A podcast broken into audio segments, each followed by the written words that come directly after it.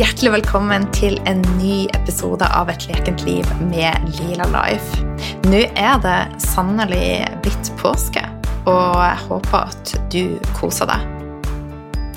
Jeg må bare si at sjøl så uh, syns jeg tidvis at hver en dag føles som en uh, søndag. Uh, og jeg savner de kontrastene som vi hadde i større grad før da.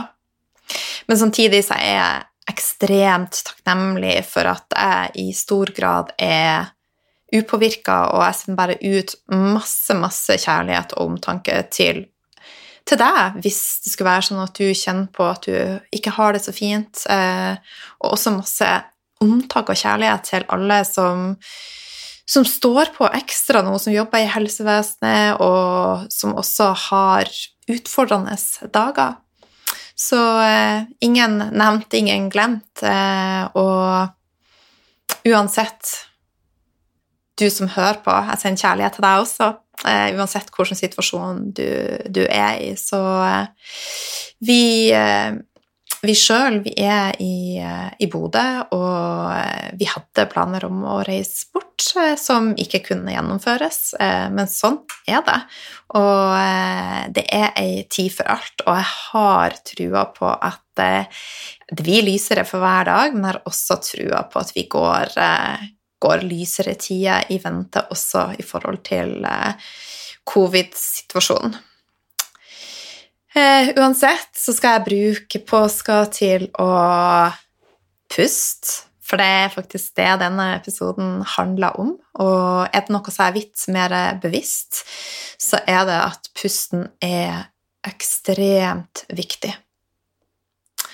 Så jeg skal puste, jeg skal lage masse deilige, late frokoster eller slash lunsjer og henge med hun Trine som er kommet til Bodø, være litt med familien. Hørte dere? Skal henge med hun Trine, og så skal være litt med familien. Eh, I hvert fall jeg gleder meg veldig mye til hun Trine Tuppenberget kommer til, eh, til, eh, til Bodø. Og så jeg skal henge masse med deg i påska. Eh, jeg har jo laga en eh, frokostguide, så hvis ikke du har fått den, eh, så vil jeg gjerne dele den med deg. Og der får du masse, masse gode frokosttips helt gratis. Så jeg legger med linken til denne episoden, og så kan du teste ut kanskje verdens beste eggerøre. Den er kjempe, kjempegod. Og søtpotetrøst er også sånn her herlig ja, påskefrokost, brunsj, lunsj, og så frokostlappene er også kjempe, kjempegode. Men eh, daglig så kan vi nesten lese ny forskning som kommer om trening og ernæring. Men pusten, som er en livsviktig funksjon, skrives det ganske lite om, syns jeg. Og eh, jeg blir egentlig mer og mer forundra over at vi hele tida tenker at løsninga ligger der ute. Hvis vi bare trener nok eller kjøper det eller spiser sånn, så vil alt bli så bra. Og vi springer fra det ene til det andre. Det skal shoppes, og det skal vaskes, og så puster vi etterpå. du, jeg har vært der sjøl, så det er derfor det kommer så naturlig å snakke om det. Eh, selv om jeg er yogalærer og har eh, jobba med dette i mange år, så er det å puste eh, fordømt vanskelig, faktisk. Men i 2020 så satte jeg det virkelig på agendaen og prioriterte å starte dagen rolig hver eneste dag med å være takknemlig for ikke bare de tingene som er positive, men også ting som har vært vanskelig, men som jeg har kommet meg ut av, som har vært med og forma den jeg er. Eksempelvis er jeg takknemlig for eh, mine autoimmune sykdommer og det det har lært meg. For uten de så hadde jo ikke jeg vært på den reisa som jeg er i dag. Så det er en ny vinkling på takknemlighet. Så det er viktig, og jeg fokuserer på rolig, Vær til stede og puste opp. Jeg kjenner at pusten går fra nederst i magen og opp igjennom, beveger seg ut mot ribbene og kragebeinet, og det er utrolig fantastisk når eh, vi begynner å komme mer i kontakt med pusten. Og I denne episoden så får du også en pusteøvelse helt på tampen som eh, du kan gjøre når som helst. Du kan ikke gjøre den hvor som helst, du får ikke lov å gjøre den når du kjører bil. Eh, du kan puste, men ikke lukke igjen øynene, som vi anbefaler. Men pusten er jo helt gratis, og den er essensiell for at vi lever. Og Norge er et av de landene i verden med mest stress. Vi glemmer tidvis å nedprioritere noe så enkelt som å puste. I Østen har de et ordtak som sier 'Vis meg hvordan du puster, og jeg skal fortelle deg hvordan du lever livet ditt'. I episode 111 så har jeg med meg yogainstruktør og helse- og livsstilscoach Anette Rikardsen. Hun har også en bachelor i helsepsykologi. Og vi snakker om pusten, hvorfor den er så viktig for oss, hvordan du kan bruke pusten som et verktøy, hvordan du kan leve saktere, ut av fight on flight-modus, koblinga mellom psykisk helse og fysisk helse, placeboeffekt, dharma, takknemlighet. Og mye mer. Med det så skal vi hoppe inn i dagens episode, og det gjenstår bare å si nyt påska så godt du kan. Og igjen, så vi er veldig, veldig glad om du tar deg tid til igjen, legge igjen en tilbakemelding via iTunes eller appen Podkaster. Jeg leser alle, og hver tilbakemelding gjør en forskjell for meg, og også for eh, flere, flere andre mennesker. Ok, la oss hoppe i episoden. Hjertelig velkommen, Anette. Så stas å ha deg med på podkasten. Tusen takk. Kjempegøy å være med. Du, eh, aller først, hvordan starta du dagen din i dag? I dag startet vi veldig tidlig. Jeg har en uh, liten treåring som har det med å stå opp sånn i fire-fem-tiden. Så vi startet dagen 04.30 i dag. Var, da var det tidlig på'n. så, så, det er litt sånn brå vekking om dagen, men, men vi prøver å gjøre det beste ut av det og innse at dette her er en periode. Så det, det er litt fokuset vårt om dagen med denne, denne tidlige vekkingen. For det er, det er litt i tidligste laget, selv om vi er egentlig morgenmennesker som syns det å stå tidlig kan være kjempedeilig. Men uh, skulle gjerne ha ventet til klokken seks. Skal fortelle en liten hemmelighet? Jeg var også våken ja. klokka halv fem i natt, og da tenkte jeg bare Yes, jeg kan sove i fem timer til! fem timer, ja. Oh, det, det hørtes deilig ut. Det kommer en dag, har jeg hørt. Men jeg jobber med saken. Jeg skal vi mer av mennesker. Det er planen min i, i 2021. Så men du, etter en grytidlig start på dagen, hva gjorde du da? Har du noen rutiner som du bruker å gjøre, og får du tid til det med en liten krabat i huset?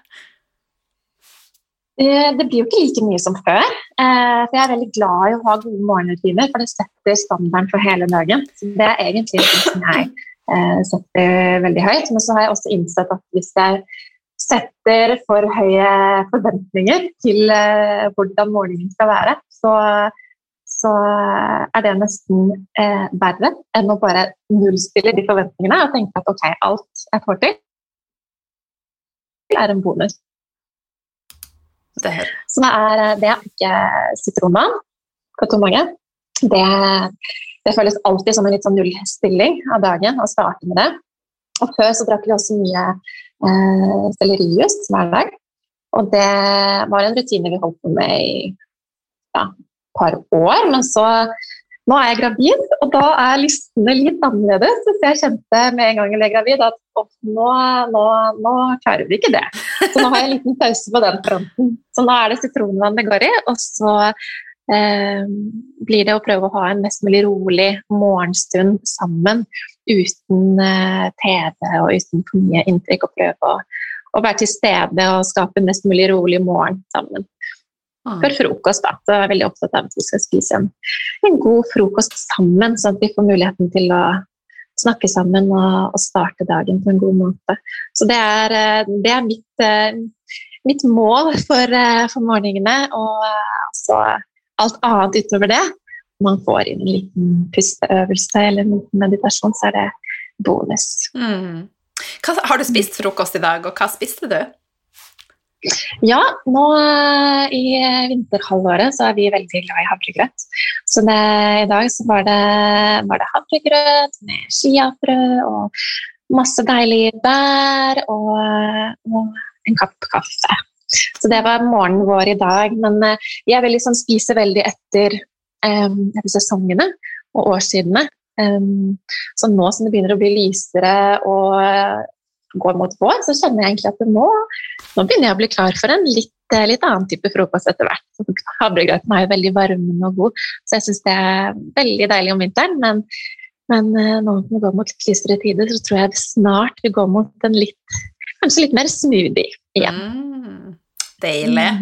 Um, jeg skal ha smoothie i dag, men jeg bruker å lage de litt sånn altså ikke iskald, hvis du skjønner, så de er mer eh, lunken. Og det, det, var en ah. vanesak, men det, er, det var Trine Berge som introduserte meg for de smoothiene. Men de er fantastisk gode. Så eh, ja, veldig nydelig. Det er så deilig. Mm. Åh, det er så god start på dagen. Ja. Mm.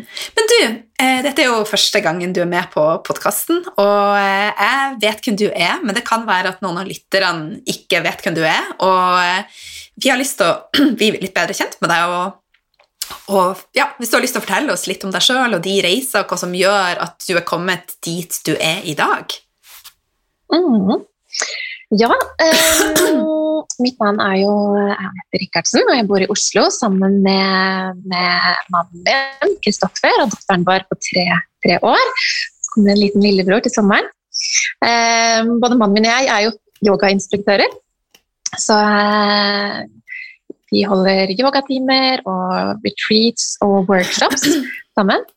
Um, I tillegg til at jeg er helsecoach og har studert psykologi, og da med hovedfokus på koblingen mellom det fysiske og det psykiske, og liksom helsefremmende atferd, hva det vil si.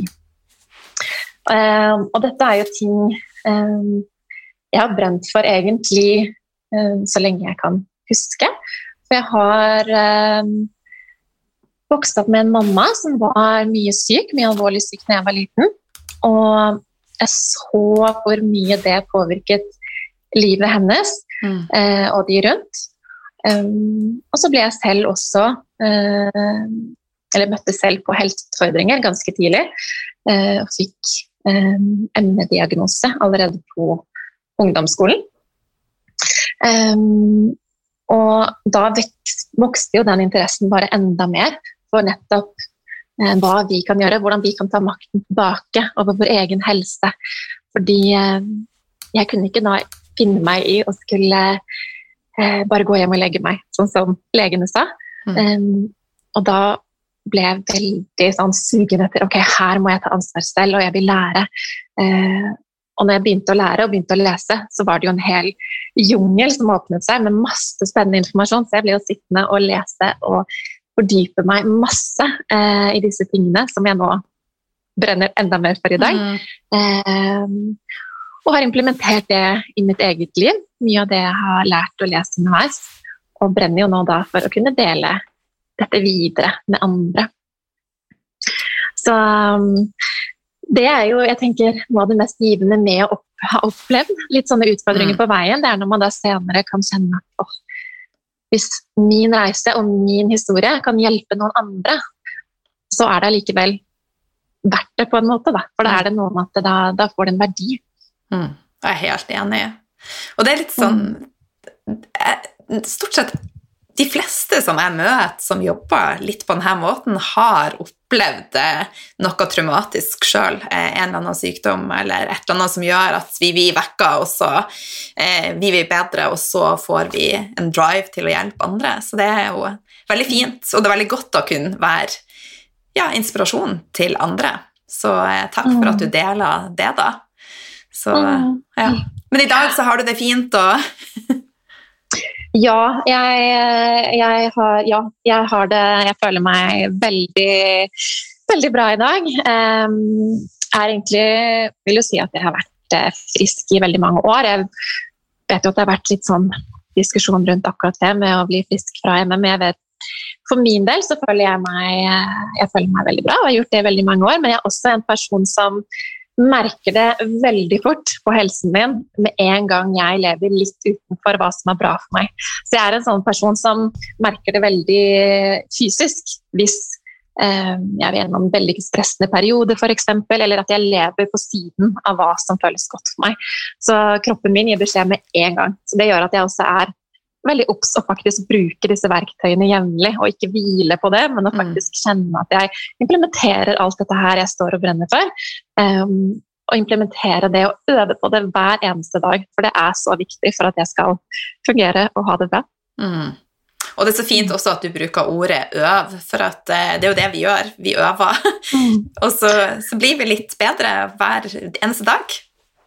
Mm. Ja, det er akkurat det. Det er ikke sånn at man blir en plutselig guru som bare har knukket koden, og så, så er det gjort. Det er, eh, det er, noe man må jobbe med og øve med på hele tiden. Jeg vet ikke om man noen gang egentlig blir helt uh, ferdig utlært, og kanskje det er like greit. Livet er en, en reise. Ja, jeg tenker at prosessen er jo målet, så uh, det er jeg, jeg veldig obs på.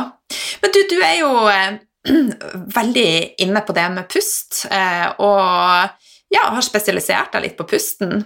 Eh, og det som er litt spesielt med pust, det er for det første helt gratis, og det er veldig essensielt for at vi skal leve. Eh, og påvirker i stor grad hvordan vi har det. I Norge så er vi eh, veldig stressa hvis vi sammenligner oss med resten av verden, og kanskje et av de landene i verden der vi stresser mest. Og vi glemmer å puste, og vi nedprioriterer det. Eh, aller først, kan du fortelle oss litt om pusten? Mm. ja, eh, det er som du sier, vi lever jo i et veldig sånn young-dominert samfunn. Eh, vi er eh, veldig sånn on the go hele tiden. Veldig fulle kalendere. og vi fyller jo opp hverdagen vår i veldig stor grad. Og det er mange av oss som omtrent ikke husker hva stillhet vil si. fordi det, det er liksom ikke noe vi opplever lenger.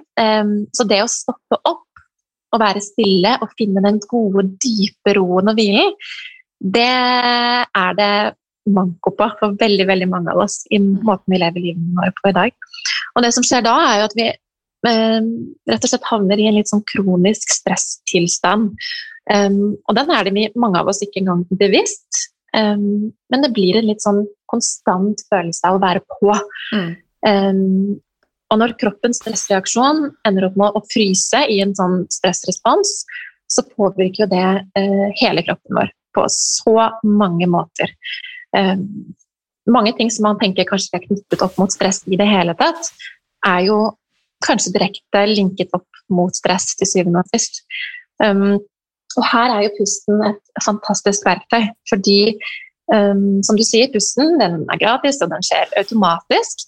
Og vi puster jevnt hele dagen, og mange av oss tenker ja, jeg puster, trenger jeg å lære meg det, gjør kroppen av seg selv.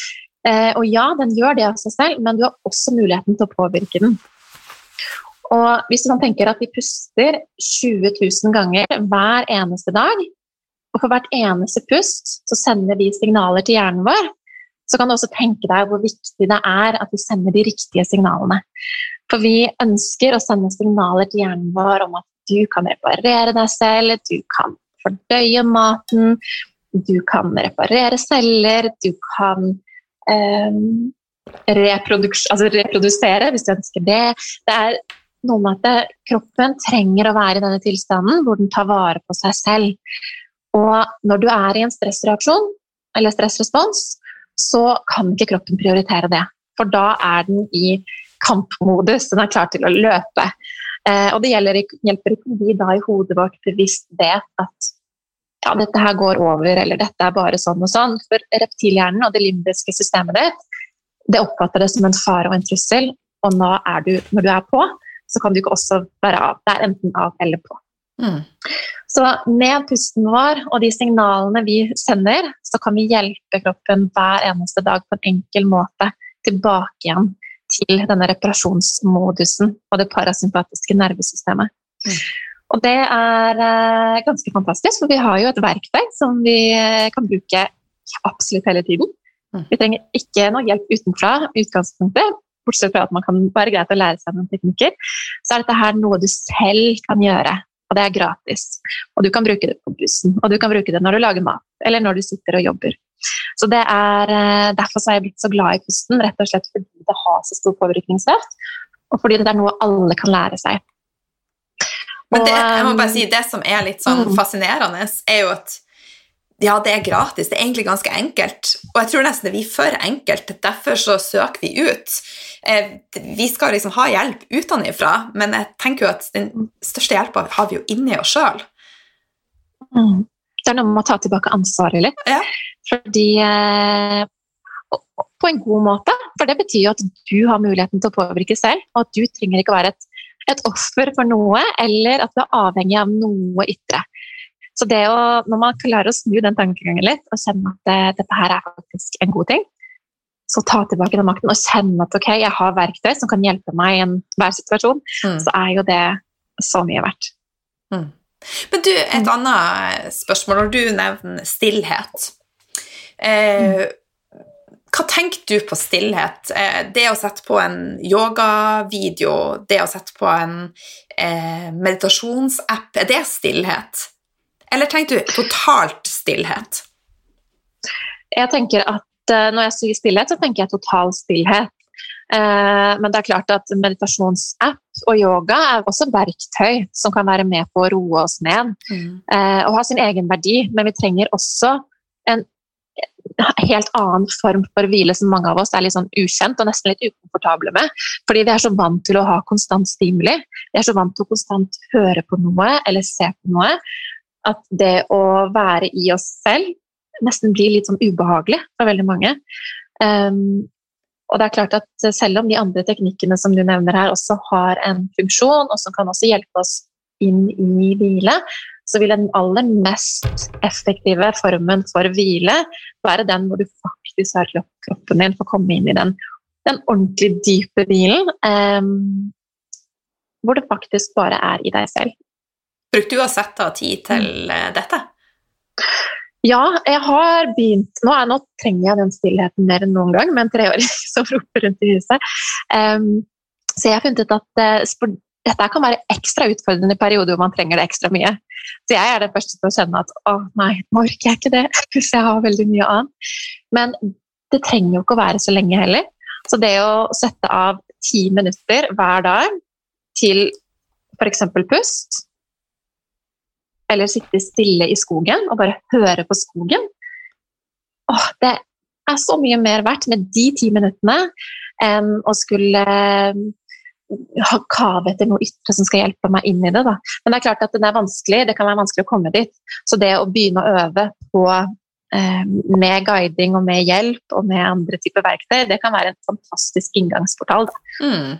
Men alle klarer jo å sette seg ned i en lenestol, legge hendene på magen og bare lukke igjen øynene og bare, om så sette av to-tre minutter, så er jo det en start. Mm. Det er jo egentlig mm. veldig enkelt. Vi må bare gjøre det. Ja. Mm. Ja. ja. Men det er noe med det å tørre å stå i det. For hvis man kjenner at det er veldig at man plutselig da, det dukker opp masse følelser eller stress eh, i kroppen, og man plutselig kjenner at åh, her var litt ubehagelig, så er det veldig fort gjort å hoppe ut av det. Men det å tørre å, å kjenne på det og stå i det, da. Eh, og da er det litt sånn mindfulness i det å å, observere og kjenne og akseptere det sånn som det er, og ikke prøve å nødvendigvis endre på det, men sånn at ok, i dag var dette litt vanskelig. Men bare det å observere det og kjenne det, er et kjempeskritt i riktig retning. Mm. Nå hørtes det jo ut som at jeg har full koll på det her og syns at dette er easy-peasy, men sånn er det virkelig ikke. For selv om jeg er yogainstruktør, så syns jeg også det med pust er vanskelig. Og jeg syns faktisk noen ganger at det kan være litt vondt å puste. For at eh, hvis man ikke har brukt musklene og er litt spent, så er det jo en terskel som skal utvides, og systemet skal ja, rett og slett eh, omprogrammeres. Så kan ikke du fortelle oss litt om hvordan vi kan bruke pusten som verktøy, og eventuelt en progresjon? Hvor vi starter, og hvor går vi? Mm. Um, ja, for det er som du sier, det kan faktisk det kan være litt vondt i starten. For vi, vi, har ulike pustemønstre som vi har tillært oss gjennom mm. livet.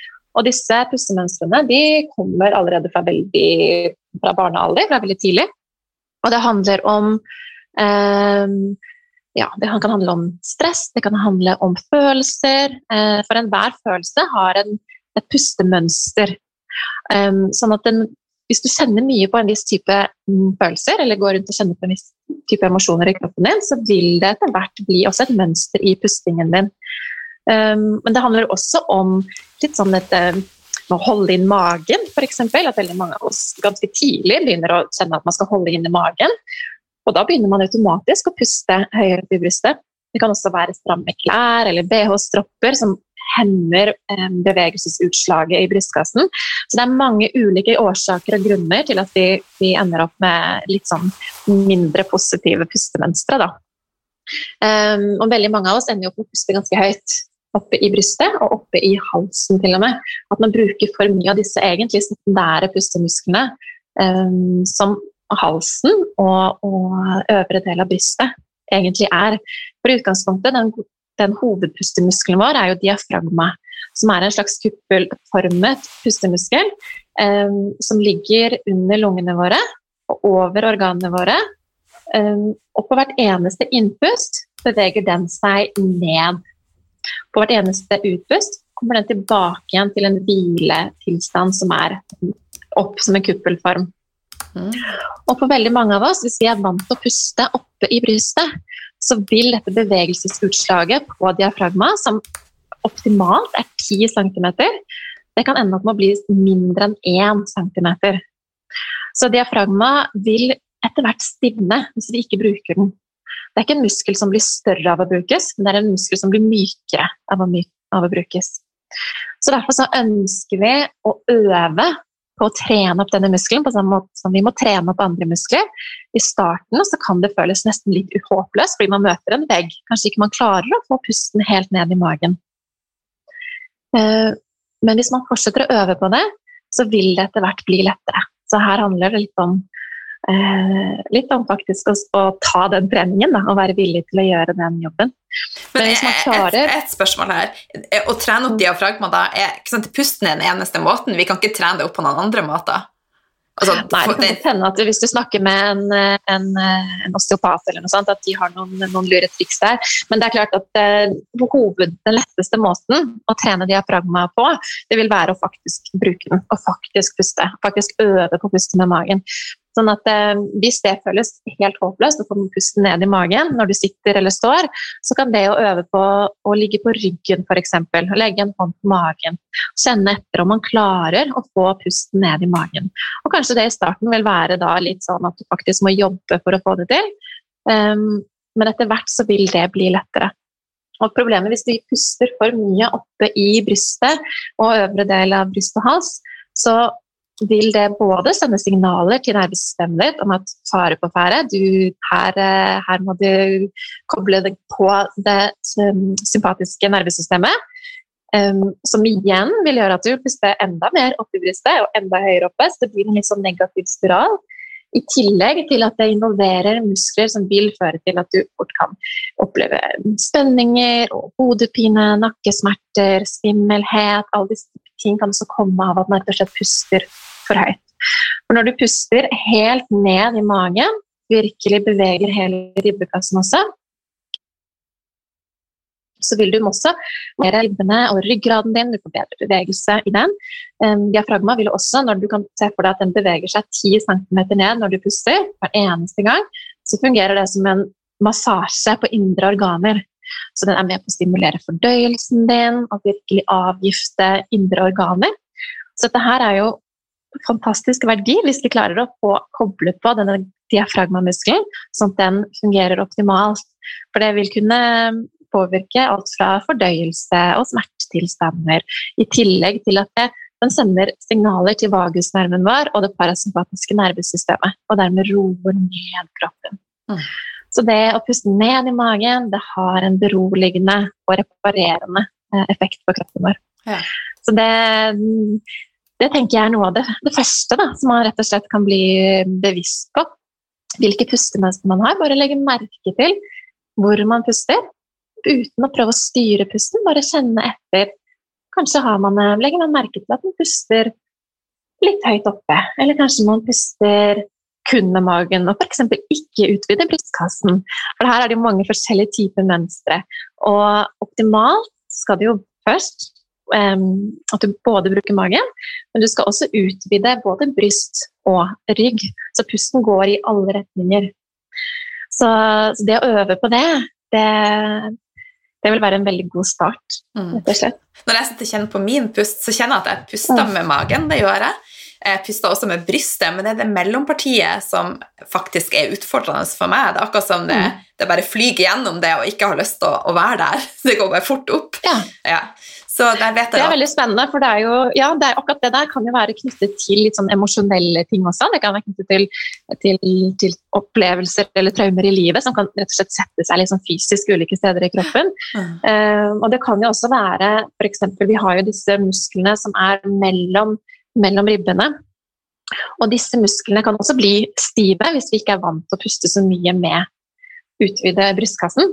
Så det å, å jobbe med bryståpnere, og, dette, dette, kan jo du innen yogaen også, det å virkelig jobbe med eh, bevegelighet i øvre del rygg og bryst, kan også hjelpe deg med å puste, puste bedre. Da. Mm. Men eh, altså, jeg er jo ernæringsterapeut og har vært veldig opptatt av mat, og det er jeg fortsatt. Eh, og har jo visst at pusten er ja, den er genial. Eh, men jeg tror vi rett og slett glemmer det ofte, og så er vi ute og søker og skal på en eller annen diett, og vi skal ta det tilskuddet. Men Anette, vil det ikke være nesten bare være lurere at vi setter oss ned og puster litt hver dag?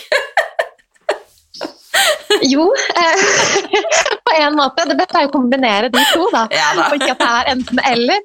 Men det er klart, eh, hvis kroppen din er i en stressrespons, eh, og du er i denne her fyse-stress-tilstanden i kroppen, og en sympatisk aktivering av nervesystemet ditt, så klarer ikke kroppen din å prioritere fordøyelse på samme måte som den ville gjort hvis den var i en eh, liksom hvile- og reparasjonsmodus.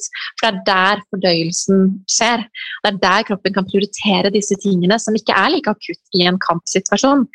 Eh, men når kroppen din konstant tror du er i denne kampsituasjonen, så, så er det mange da, som opplever at de gjør alt tilsynelatende riktig med kosthold f.eks. Og de, de, tar alle disse tilskuddene og de spiser alle denne maten som de har fått anbefalt, men, men så er det akkurat som om det stopper litt opp der. Mm. Um, og de, de, får ikke helt de resultatene de skulle ønske. Og da kan det å, å innse viktigheten av stressresponsen i kroppen, og, vi, og, hvordan man kan koble på denne eh, reparasjonsmodusen, da, som jeg tenker at det, det er, um, kunne gjøre at kroppen plutselig åh, nå, nå, er jeg klar, nå kan jeg ta imot alt det gode du gir meg. Mm. Så det, jeg mener jo at det, det, er på en måte litt sånn eh, nummer én hvis man skal starte et sted. Det er rett og slett å først ta tak i denne stressreaksjonen i kroppen. Og det er klart at det, hvis du spiser mye eh, mat som ikke ikke nødvendigvis er så god for deg, så vil jo det også være med å stresse ut systemet ditt og stresse kroppen din. Så alt henger jo sammen. Dette går jo begge veier.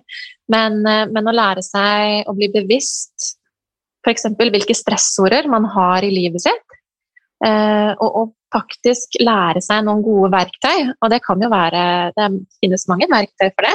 Men da bl.a. f.eks. å puste, og, og f.eks. spesielt før du skal spise mat. At du kjenner at du kan ta deg tid til å roe ned før ethvert måltid. Bare for å hjelpe kroppen din tilbake til et sted hvor den kan utnytte seg av den næringen du spiser.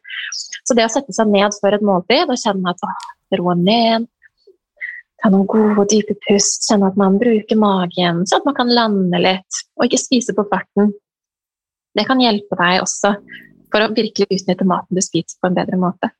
Mm. Nå lagde, jeg, Det kan hende det kom med i podkasten, magen min lagde en sånn her når du begynte å prate om mat. Oh, ja. jeg har ikke spist i dag. Så, det ikke det, nei? Nei, det er jo typisk Lila Life. Nei, nei, nei, jeg spiser ikke for langt utpå dag. Sov lenge og spis sent. ja, ja, men det er ikke normalt for alle, så det er greit. men eh, altså, nå har vi prata om stillhet, vi har prata om pust og hvor viktig dette er, men vi er jo på en måte programmert allerede fra, fra, vi er små om at det skal være sånn go, go, go, og det er da vi er suksessfulle, og det er da vi blir liksom hel, og da får vi denne lykken vi søker etter. Og det gjør jo at vi kommer i den sympatiske delen av nervesystemet. Eh, utenom pusten, har du noen gode tips for å roe ned eh, nervesystemet for å komme oss inn i den parasympatiske delen? Mm. Ja, for det, vi har jo det er mange ulike typer måter man kan bruke pusten på, men så har du også meditasjon. Eh, du har avspenningsteknikker som yoga nidra for å roe ned. Men en annen eh, måte å koble på det parasympatiske nervesystemet på, som jeg er veldig opptatt av, spesielt fordi jeg har studert psykologi også, det er jo viktigheten av vår emosjonelle tilstand. Eh, for den også er jo direkte med å eh, påvirke hvilken, eh, hvilket nervesystem vi er på. Da. Sånn at eh, emosjon, positive emosjoner som glede, takknemlighet, sam, følelse av samhold, av mening. Alt disse emosjonene de er også med på å sende signaler til nervesystemet ditt om at du er trygg og du kan, du kan prioritere å ta vare på deg selv. Imens negative emosjoner, som også ensomhet f.eks., som er stort problem nå i koronaverdenen vi lever i, er også med på eh, egentlig å gjøre litt det motsatte. Det er med å stresse kroppen og øke den sympatiske aktiveringen. Sånn at det å være bevisst eh, hvordan vi har det, og viktigheten av det, og ikke bare sånn som jeg vet jo veldig mange som ønsker å, å leve et, eh, et, sunt liv, og som følger veldig mange av disse gode rådene til veldig mange eksperter rundt omkring, ender opp med å nesten bli litt sånn stresset over alt som skal gjøres så perfekt og så riktig. Mm. At, de, at, man nesten glemmer, at man glemmer å, å, ha det bra. Man glemmer at man kan nyte. Og at nytelse i seg selv er helse. For nytelse er med å sende kroppen inn i parasympatisk aktivering og reparasjonsmodus. Så jeg er opptatt av hvordan glede også er preventiv medisin, da. Rett og slett. Og viktigheten av å prioritere det i livene våre. Så viktig. Og, mm, ja, det, og da tror jeg også det er en sånn ting som nesten er sånn knyttet til dårlig samvittighet hos veldig mange. At dette her med å unne seg selv eller gjøre ting som skaper glede, er nesten litt sånn luksus. Det, ja, men man må gjøre alt mulig annet først. Um, men det å innse viktigheten av å ha det bra, og gjøre det som skal til for at du kjenner at du lever det livet du ønsker, hvis du prioriterer det, så vil alt annet også gå litt lettere. Mm. Og da har du jo også mye mer å gi til alle andre, så det er ikke noe, dårlig, det er ikke noe grunn til noe dårlig samvittighet her. Nei, så bra. Men du, hva gjør du når eh, du skal nyte og gjøre noe som gleder Anette?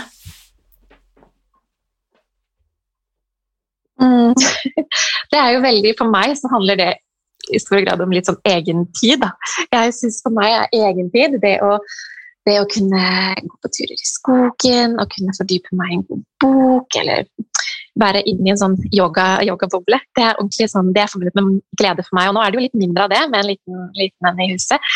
Sånn at da er de ekstra verdifulle, de øyeblikkene.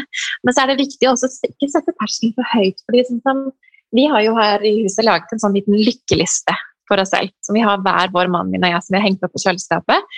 Og, og det handler rett og slett om um, de små hverdagslykkene som betyr noe, og som kan være med å endre dagen. Da.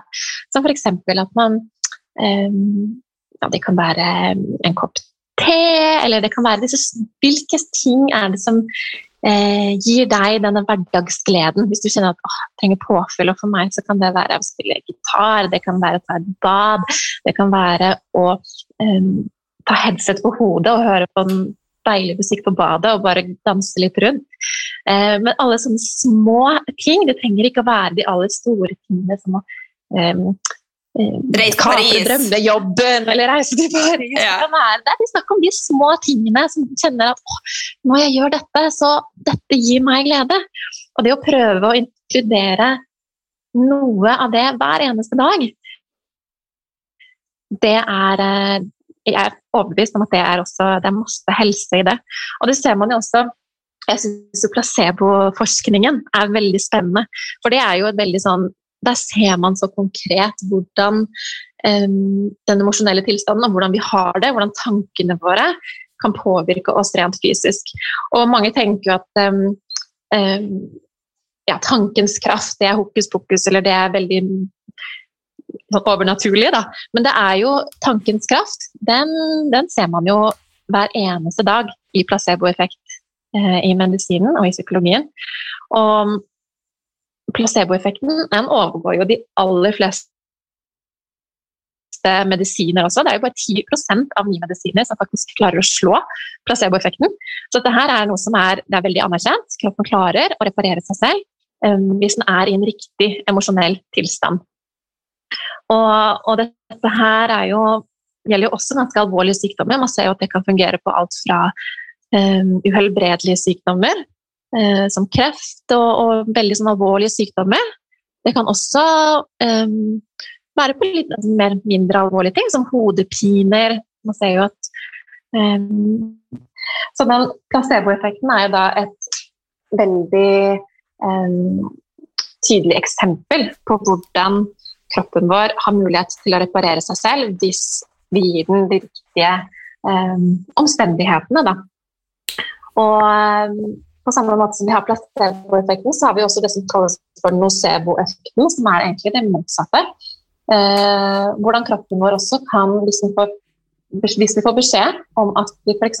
har en alvorlig sykdom, så har vi også mye større sannsynlighet for å bli syke.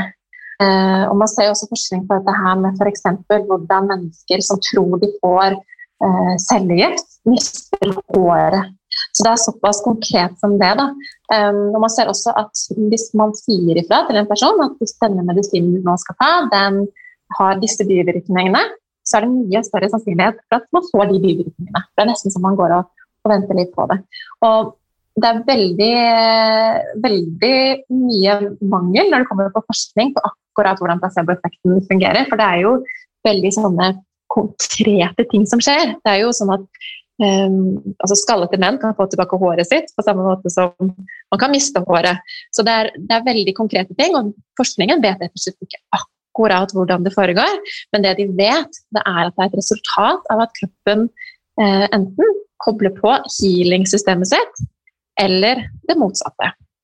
Og vi ønsker å hjelpe kroppen vår inn i denne healing-responsen og healing-systemet. Og, og, det at vi har denne kraften med rett og slett hvordan vi har det, det er eh, noe jeg brenner for å dele. Rett og slett fordi jeg ønsker at folk skal unne seg selv litt mer hverdagslykke og litt mer hverdagsglede. Og samtidig samtidig er jeg veldig opptatt av å nevne at det, eh, dette her med å gå rundt og, og, tro at man skal være glad hele tiden, heller ikke er helse. For Hvis du ender opp med å undertrykke følelser og tenke at nei, jeg må gå rundt med et smil, eh, mm. smil hele tiden, så er det absolutt ikke det eh, som er bra for deg.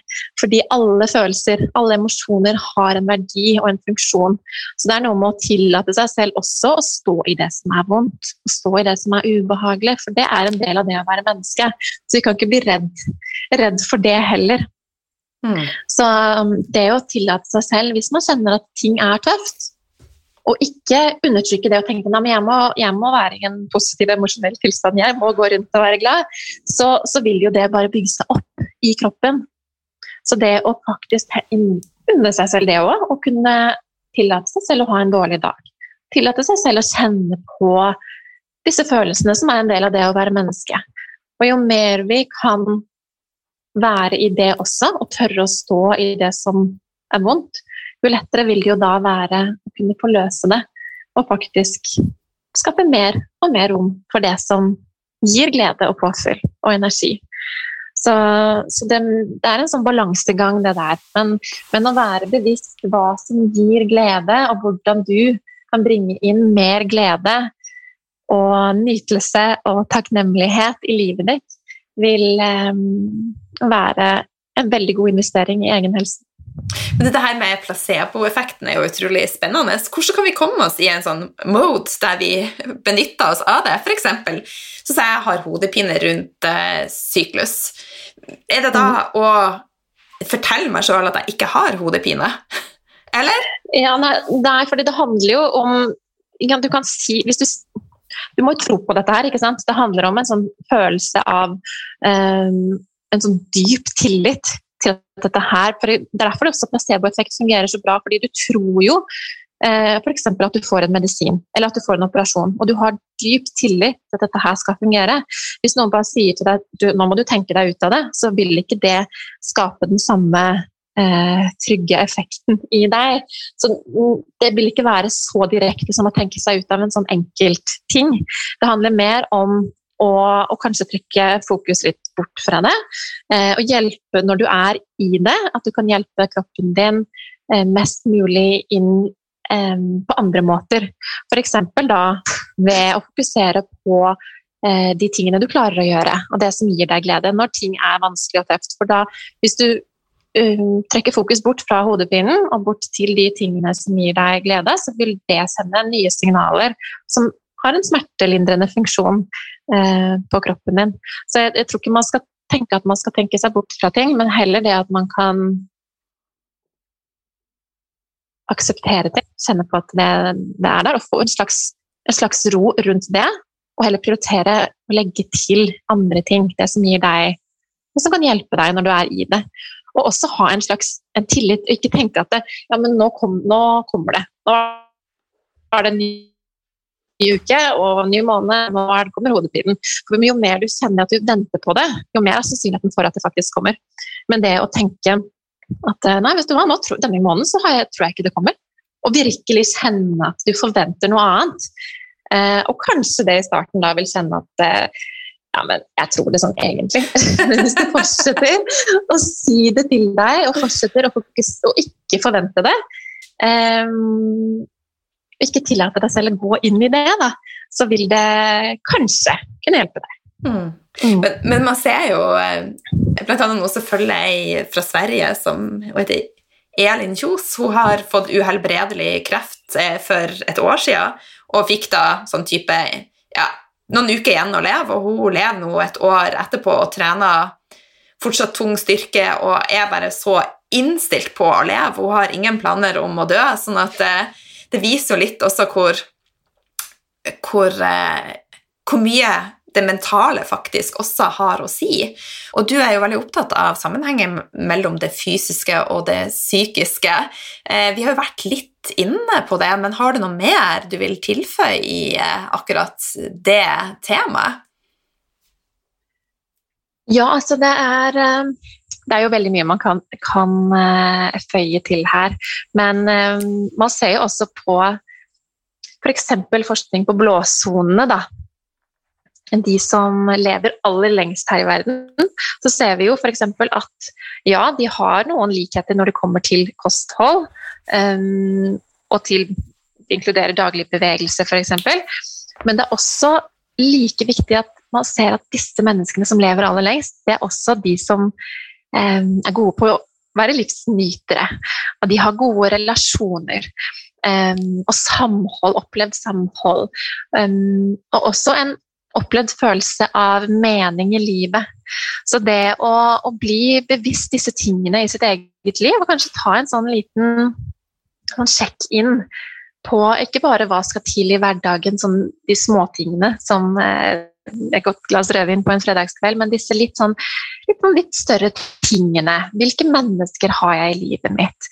Hva er det egentlig jeg bruker tiden min på? Og er dette her det jeg ønsker å prioritere? Um, og det å investere i gode relasjoner og samhold med andre mennesker, som i dag selvfølgelig har litt sånn sine naturlige utfordringer, sånn som, eh, sånn som verden er akkurat nå. Men at vi klarer å, å allikevel prioritere disse tingene så langt vi klarer. Um, ringe til familie og følge opp hverandre. Um, og virkelig kjenne etter hva som gir deg mening i din hverdag. Og det å være bevisst alle disse tingene sammenlagt vil, uh, vil påvirke oss i veldig stor grad. Mm. Det er jo også et felt innenfor psykologien som kalles psykonevroimmunologi. Og det er jo nettopp forskning på hvordan den psykiske tilstanden vår, tankene og følelsene våre, påvirker nervesystemet og hormonsystemet, og dermed immunforsvaret vårt. Um, og vi ser jo der at det er jo en direkte påvirkning der. Vi kan påvirke uh, immunforsvaret vårt gjennom uh, tanker og følelser. Så, så tenker, og man ser f.eks. at Jeg tenkte da på en, på en fredagskveld. Eh, Nå tar jeg en liten case her. Eh, vi sitter i sosial setting, og så sitter jeg der og pimper det her glasset mitt med Farris, mens alle andre drikker rødvin, og jeg har egentlig lyst på rødvin. Vil det da kanskje være mer helsebringende å ta det glasset med rødvin en gang iblant, kontra å nekte seg sjøl? Det kommer jo litt an på hvilken reaksjon du har av rødvin. Da. Det er jo ikke sånn at Hvis man har, en, eh, hvis det, man har noen helt konkrete triggere som vet at dette her går aldri bra, så er det ikke nødvendigvis kanskje, kanskje, man da kan finne noen andre måter å nyte på. Så Det må jo ikke være akkurat, eh, akkurat det. Men hvis det er litt sånn, hvis man det handler mer om en sånn Nei, dette er, ikke, dette er ikke bra for meg.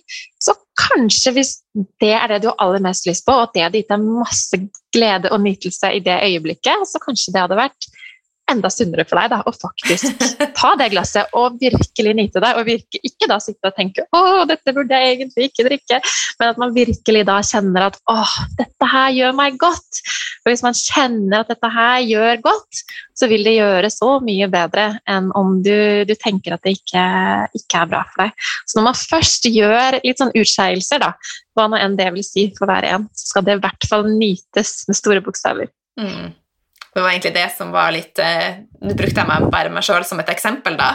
Eh, og jeg har ingen mm. spesielle reaksjoner på rødvin, men men er jo, vi er jo veldig av og på i samfunnet i dag. Vi er liksom, Enten så er vi på kur, eller så er det fråtsing, og så når vi er på kur, så er det nei, nei, nei, nei. nei. Så det er noe med å finne de her mer glidende overgangene, og der vi kan nyte også med god samvittighet. Ja. Mm. Ja, igjen så handler det om den balansen. Så, og alt henger sammen. Og, og, det å gjøre gode matvalg og, og ta tak i helsen vår på, på ulike måter. Alt, alt, har en funksjon, og alt er bra for oss, men vi må bare ikke glemme eh, viktigheten av, av, nettopp glede. Da. Men det å klare å finne den balansen. Um, og være bevisst det i eget liv. Um, og ha, bruke det rett og slett som et verktøy. Da, og tenke at dette her er eh, Å prioritere glede, det er det er eh, et verktøy man kan eh, bruke for å rett og slett hjelpe kroppen inn i, inn i en litt sånn eh, reparasjonsmodus, på samme måte som, som pust mm. og som meditasjon. Mm.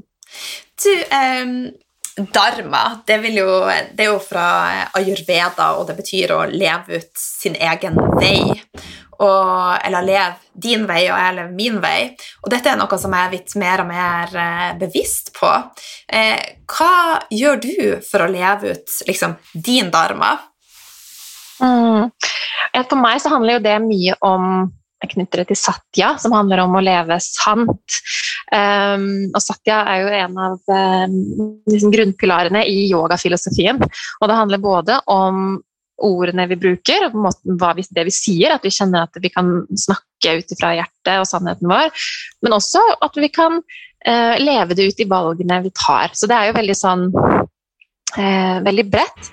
Men for meg så handler det å leve ut min sannhet og min dharma, det handler om å um, F.eks. være yogainstruktør. For det er noe jeg kjenner at når jeg gjør det, da er jeg på plass.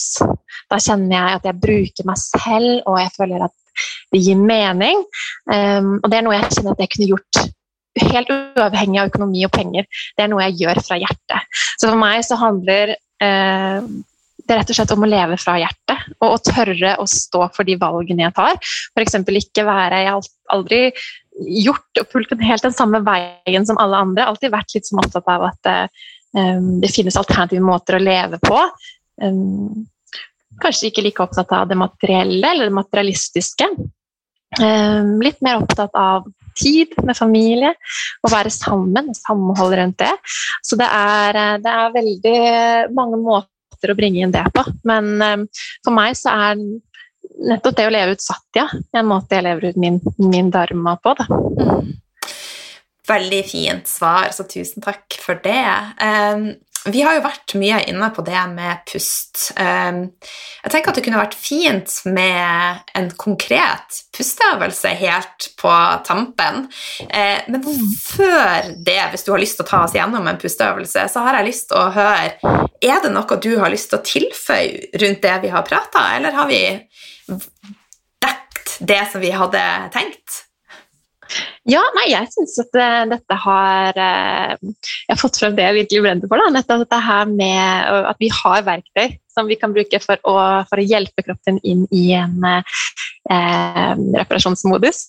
Og jeg syns vi har dekket det aller viktigste, men det er selvfølgelig mange ting man kan føye til. Og, og når det kommer til pust, så er det en hel, en hel verden um, med masse forskjellige pusteteknikker og måter pusten vår påvirker nervesystemet og kroppen vår på. Men uh, nei, vi har vært innom det viktigste. Så bra. Mm. Hva tenker du? Har du lyst til å dra oss gjennom en enkel pusteøvelse som uh, både Kari og eh, Ola kan gjøre? ja. Um, I tillegg til uh, diafragmatisk pust, og dette med å puste fra mage, så er det jo Pusten må påvirke også nervesystemet vårt gjennom um, antall pust, hvor mange pust vi har hvert eneste minutt. Og mange av oss ligger på veldig høyt turtall der. Vi ligger på unødvendig høyt, som også er med på å stresse kroppen. Så det å roe ned antall pust per minutt, hvor um, de fleste av oss ligger på rundt 15, uh, eh, eller mellom 12 og 16 sies det, men veldig mange ligger faktisk opp, opp enda nærmere 20.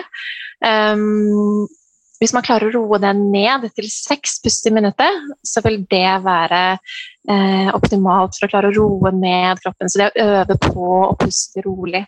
Og vi klarer ikke å puste rolig hvis vi puster øverst i brystet.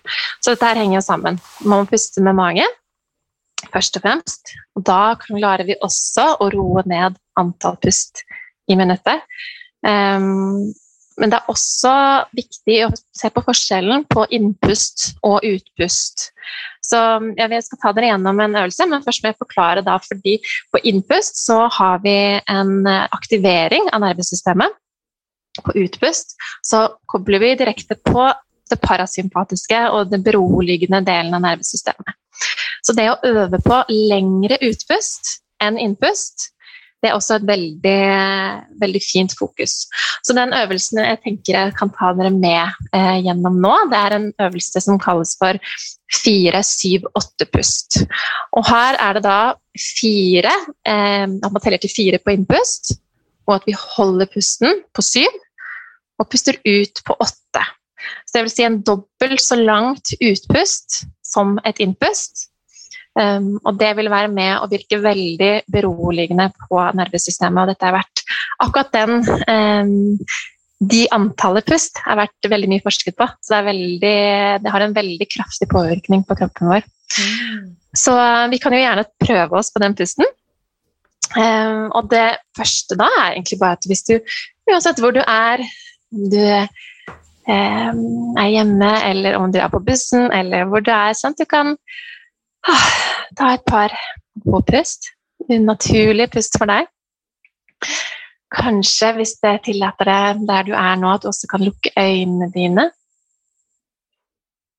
Og begynne med å bare trekke fokuset ditt inn i kroppen. Og først bare legge merke til pusten din.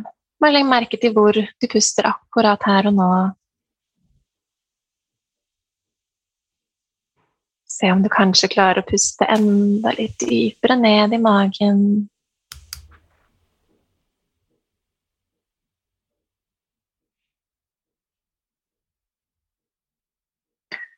Og herfra skal vi trekke pusten inn på én, to, tre, fire. Og holde pusten på én, to, tre, fire, fem, seks, syv og puste ut på én, to, tre, fire, fem, seks, syv, åtte og puste inn på én, to, tre, fire og hold på én, to, tre, fire, fem, seks, syv. Puste ut på én, to, tre, fire, fem, seks, syv, åtte. En runde til. Puste inn. To, tre, fire. Og hold på. Én, to, tre, fire, fem, seks, syv. Og puste ut på én, to, tre, fire, fem, seks, syv, åtte. Og pust naturlig. Bare være deg selv et lite øyeblikk til. Og dette er jo en øvelse som du kan gjøre så lenge som du ønsker. Nå ble det en kort, liten introduksjon. Du kan åpne opp øynene og komme tilbake igjen. Dette er jo en veldig enkel, tilsynelatende øvelse. Men det å begynne å øve på lengre utpust trenger ikke nødvendigvis være dobbelt så lange. Men å kjenne at man kan puste inn, og så kanskje klare etter hvert å doble antall utpust, har en veldig beroligende effekt. Og det gjør også at vi automatisk puster eh, roligere. Færre pust i minuttet, som har en beroligende effekt på oss. Mm. Så, så, pusten er et nydelig verktøy som uh, har såpass rask effekt. Mm. Tusen, tusen eh, takk for den. Helt på tampen, hvor kan lytterne treffe deg, Anette? Um, de kan finne meg på Instagram under Anette understrek yoga. Så der uh, legger jeg ut litt sånn hverdagsinspirasjon og, og, tips og triks rundt både pust og yoga, avspenning og meditasjon. Takk for det. Og, og livsglede. Ja. og tusen takk for tida di. Det har vært så hyggelig å ha deg med. Tusen takk for at jeg fikk lov til å komme. Så håper jeg at eh, jeg har gitt noen følelsen av at eh, at det å prioritere lykke og litt nytelse er en god, god investering. Det har du. Helt klart.